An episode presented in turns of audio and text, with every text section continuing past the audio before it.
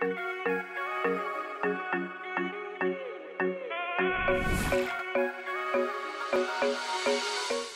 Witamy w studiu Aesthetic Business. Dzisiaj moim i Państwa gościem jest dr Izabela Załęcka. Dzień dobry. Dzień dobry Państwu. Poruszymy e, temat dotyczący mezoterapii mikroigłowej. Jest on bardzo, bardzo złożony, bardzo szeroki. Myślę, że nie jesteśmy w stanie omówić wszystkiego na jednym spotkaniu, ale przybliżymy Państwu na pewno większość e, szczegółów. Zacznijmy w takim razie od samego początku. Czym jest ta mezoterapia mikroigłowa?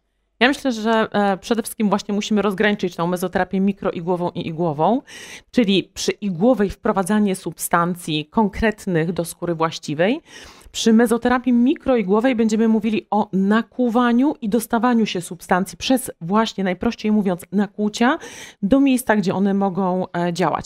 Nieco inne działanie i powiedziałabym chyba, że inne zastosowanie, prawda? Przy mikroigłówce głównie zależy nam na skaleczeniu tkanki mhm. i reakcji organizmu i jakimś częściowym wprowadzeniu substancji.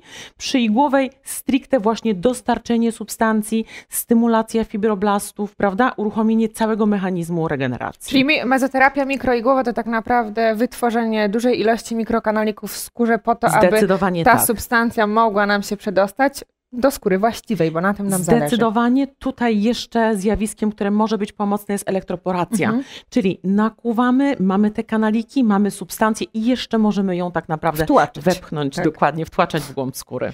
Czym w takim razie wykonywać zabieg mezoterapii mikroigłowej i dlaczego nie używać rollerów? O, to jest bardzo długi temat. Tutaj chyba e, nie mamy aż tyle czasu, ale drodzy Państwo, no rollery powiedzmy sobie wprost. Wchodzimy do skóry pod jednym kątem, igła przekręca się w tkankach i wyciągana jest pod innym kątem.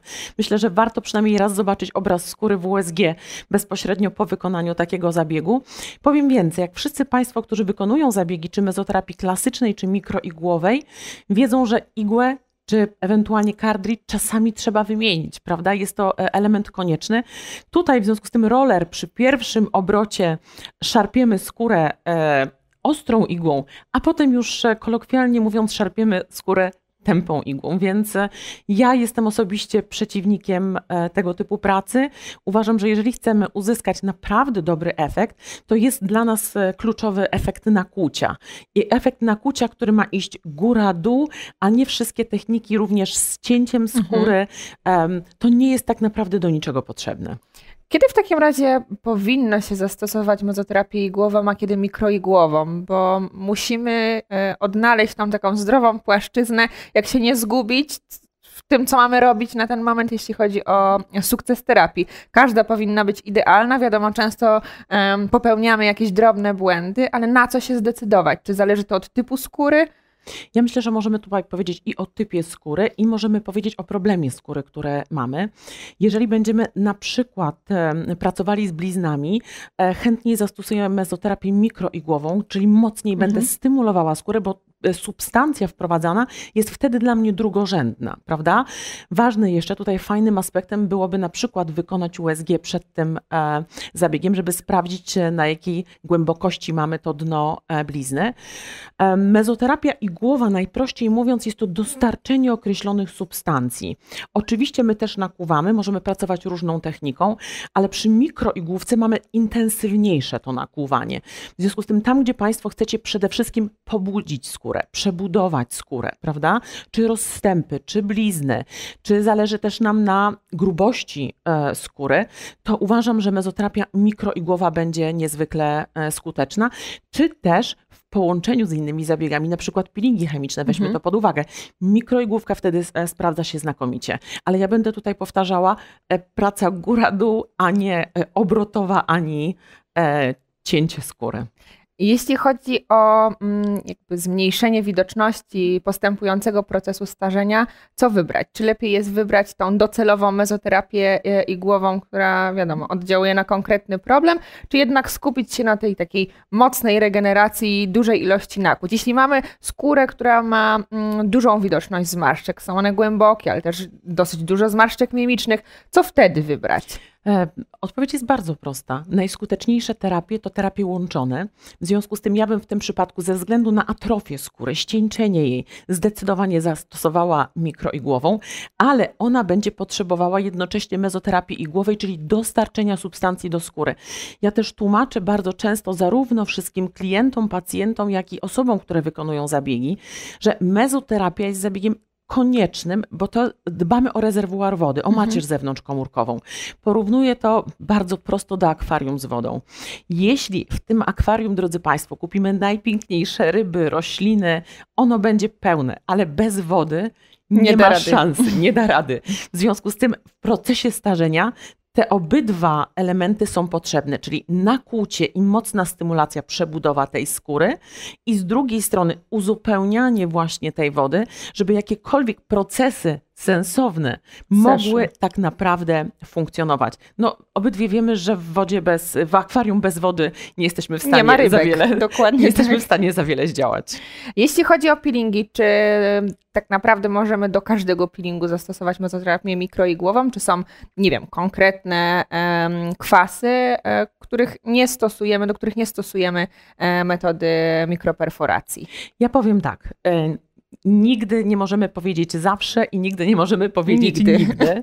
E, wszystko będzie zależało od konkretnej substancji, ale nie tylko ja nie mogę Państwu powiedzieć, przy TCA jest super, ale to będzie zależało od tego, jaki to jest TCA e, i skóra, na jakiej będziemy pracowali. Więc jest ileś czynników, która będzie tutaj e, składała się na tą całość, czy my możemy zastosować na mikronakuwanie i do tego, czy na przykład na to mikronakuwanie nałożyć jeszcze kolejną warstwę kwasu.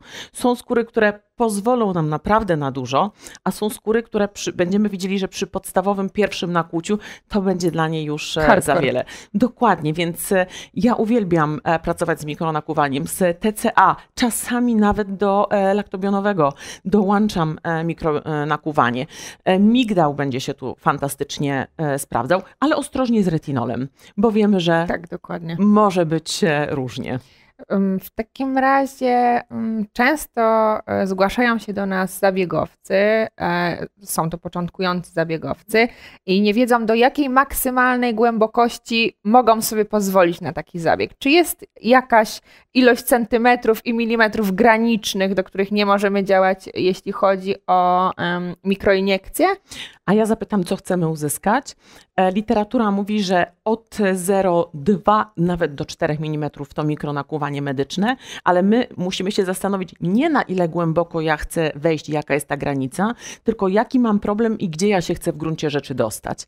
Dla nas kluczem do sukcesu jest bycie w skórze właściwej, właściwej, bo my ją chcemy pobudzać, przebudowywać, chcemy stymulacji włókien kolagenowych, elastynowych, więc głębokość taka 1,5, 1,6, e, maks do 2 mm w moim odczuciu jest w zupełności wystarczająca. Jeśli natomiast chcemy pracować bardzo konkretnie na danej bliźnie e, atroficznej, Idealnie by było właśnie, tak jak powiedziałam, e, z, zrobić USG, sprawdzić, jaką głębokość mamy tą bliznę i do tego dostosować mikronakuwanie. Jeśli chodzi o przebarwienia i mikroigłówkę, czy możemy bardziej naprawić ten problem, czy go popsuć? Jeśli ktoś ma skłonności do powstawania przebarwień często pozapalnych, nie stosuje fotoprotekcji, czyli nie ma tej takiej nie odpowiedniej robimy. ochrony, czyli nie robimy. Nie robimy. Ja powiem krótko, drodzy Państwo, tam gdzie mamy e, dużą skłonność do przebarwień, albo ktoś jest już po redukcji przebarwień, to mikronakuwanie, gdzie my wywołujemy kontrolowany stan zapalny, nie jest najlepszym e, rozwiązaniem pamiętajmy, że stan zapalny stymuluje proces melanogenezy, czyli jeśli mamy tendencję, to się może okazać, że właśnie te, te przebarwienia pozapalne mają szansę powstać.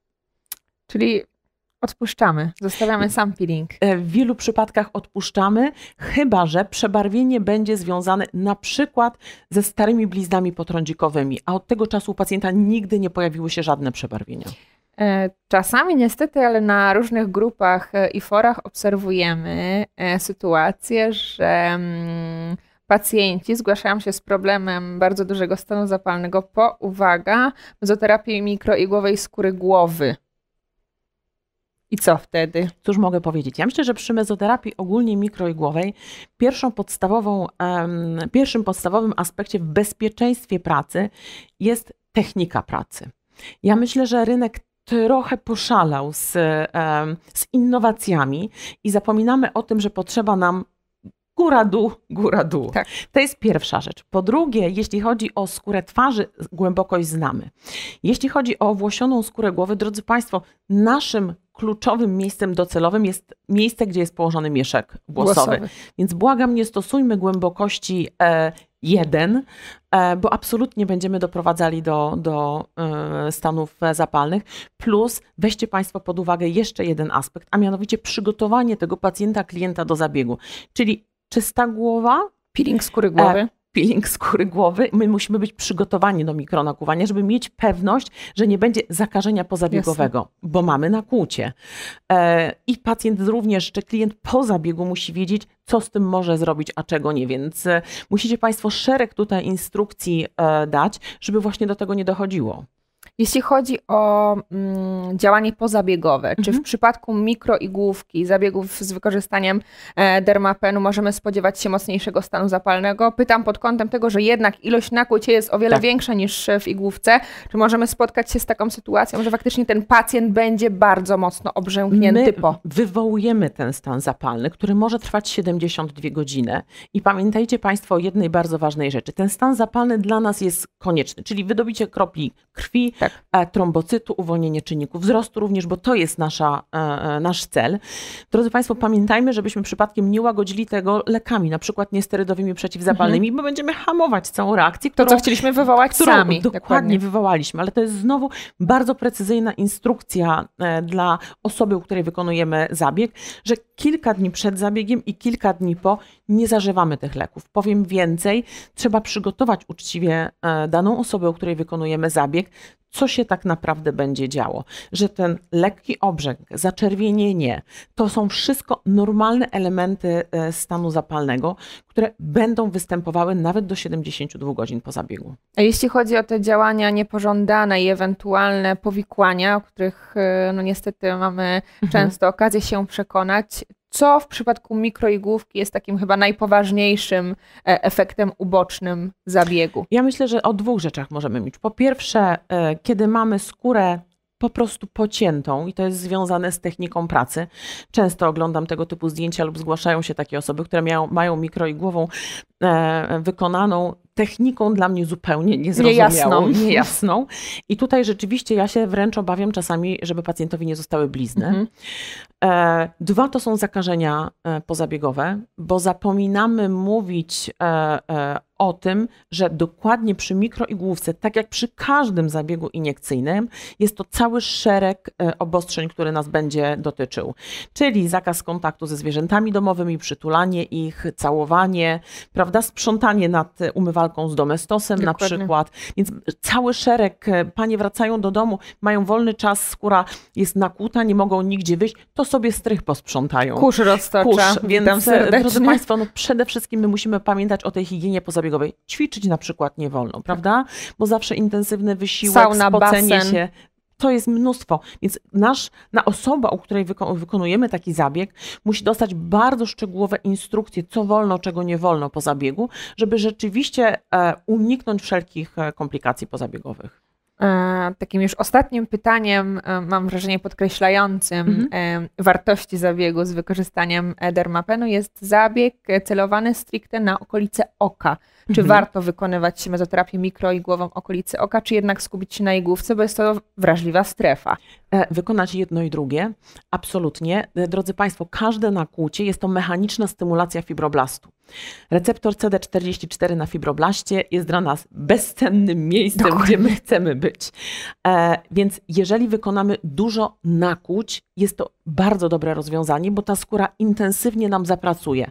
Wiemy, że skóra w tej okolicy jest niezwykle cienka. Zależy nam na tym, żeby ją najprościej mówiąc pogrubić. pogrubić. W związku z tym e, mezoterapia mikroigłowa ma tutaj ogromną rolę ale nie odstąpiłabym jednocześnie od mezoterapii igłowej, czyli dostarczenie konkretnych substancji, które mają zadziałać.